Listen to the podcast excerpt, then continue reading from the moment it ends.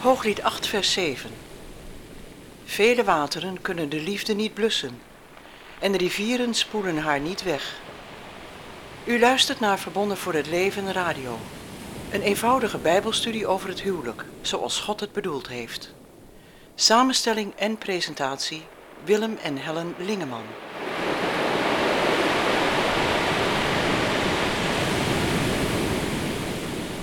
In aflevering 31 van Verbonden voor het Leven Radio willen we nadenken over het feit dat er zoveel verschillende leringen in de christenheid zijn. Onderwijs door valse leraren gebracht.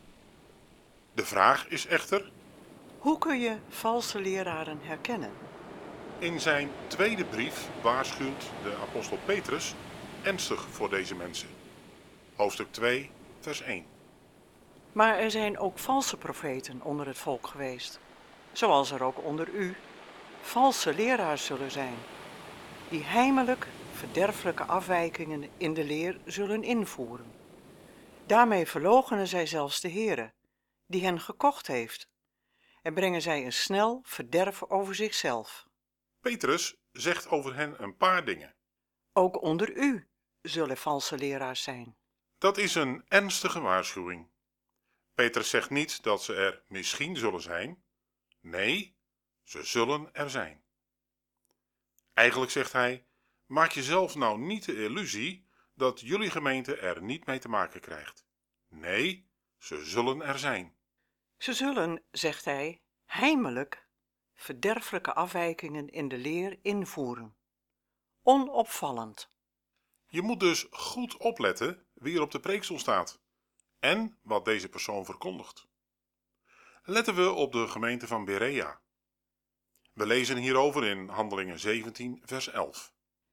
En deze waren edeler van gezindheid dan die in Thessalonica, want zij ontvingen het woord met grote bereidwilligheid en onderzochten dagelijks de schriften om te zien of die dingen ook zo waren.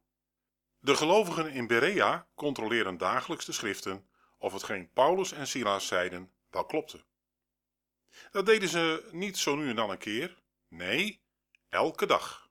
Valse leraren voegen iets toe aan het woord van God of halen er iets af, al naar gelang het hun uitkomt. Een voorbeeld. De Heere Jezus leert ons in Matthäus, Marcus en Lucas het volgende. Ieder die zijn vrouw verstoot en met een andere trouwt, pleegt overspel. En wie met een door haar man verstotene trouwt, pleegt overspel.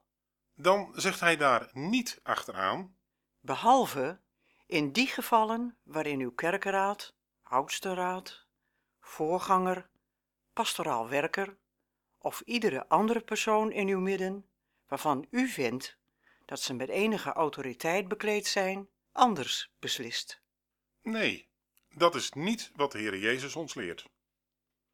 Toch is het wel de realiteit waarin wij leven. De praktijk van onze hedendaagse christenheid is dat je één of meerdere keren met een andere man of vrouw kunt hertrouwen. Is dat wat de Bijbel ons leert? Mensen voegen toe aan het woord van God. Het gesloten bloedverbond tussen man en vrouw is levenslang geldig.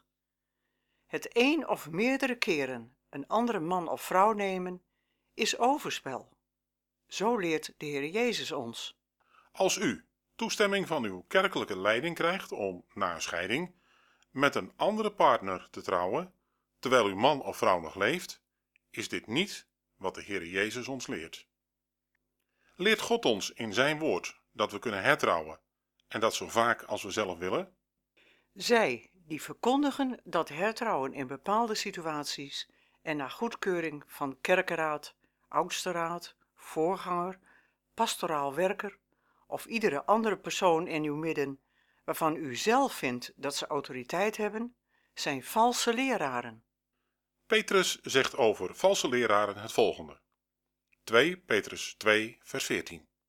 Hun ogen zijn vol overspel en zondigen onophoudelijk. Ze verlokken onstandvastige mensen en hebben hun hart geoefend in hebzucht. Kinderen van de vervloeking zijn het. Lees voor uzelf het hele hoofdstuk 2 van de tweede Petrusbrief nog eens rustig door. Wees waakzaam. Controleer, net als de gelovigen in Berea, uw voorgangers. Ga dagelijks na of ze in hun spreken aan het woord van God, de Bijbel, niet toevoegen, maar ook niet afdoen. Leraren die oprecht het evangelie willen uitdragen en daar ook voor staan, zullen hier geen enkel probleem mee hebben. Valse leraren zullen u beschuldigen dat hun integriteit in twijfel wordt getrokken. Ze zullen mogelijk zeggen dat ze spreken in directe opdracht van God. Dat is manipulatie. Vergis u niet, het komt heel veel voor. Als het deze valse leraren uitkomt, zullen ze u, die bijbels onderbouwde kritiek hebt, aan de schandpaal nagelen. Net zolang totdat u de gemeente al dan niet gedwongen verlaat en zij ongecensureerd verder kunnen gaan met hun valse leer. Tot slot, een algemeen heersende opvatting of beleidsregels in uw gemeente hoeven helemaal niet het woord van God na te spreken, of dat niet volledig te doen. Ook al zeggen uw leiders dat het beleid biddend is vastgesteld en dus ook van God moet zijn. De voorbeelden zijn er vele. Een bijbelgetrouwe leraar laat zich corrigeren en is aanspreekbaar op hetgeen hij brengt. Paulus had er geen moeite mee dat hij door de gelovigen in Berea gecontroleerd werd.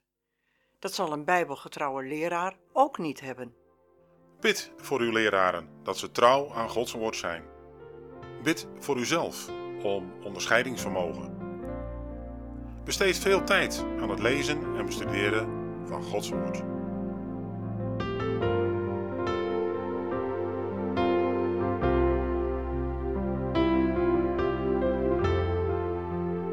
Spreuken 3 vers 3 Dat liefde en trouw u niet verlaten. Bind ze om uw hals, schrijf ze op de tafel van uw hart. U heeft geluisterd naar Verbonden voor het Leven Radio. Samenstelling en presentatie Willem en Helen Lingeman. Heeft u vragen naar aanleiding van deze uitzending? Dan kunt u contact opnemen via het reactieformulier op onze website www.verbondenvoorhetleven.nl of www.unitedforlife.eu. Zo de Heere wil graag tot de volgende keer.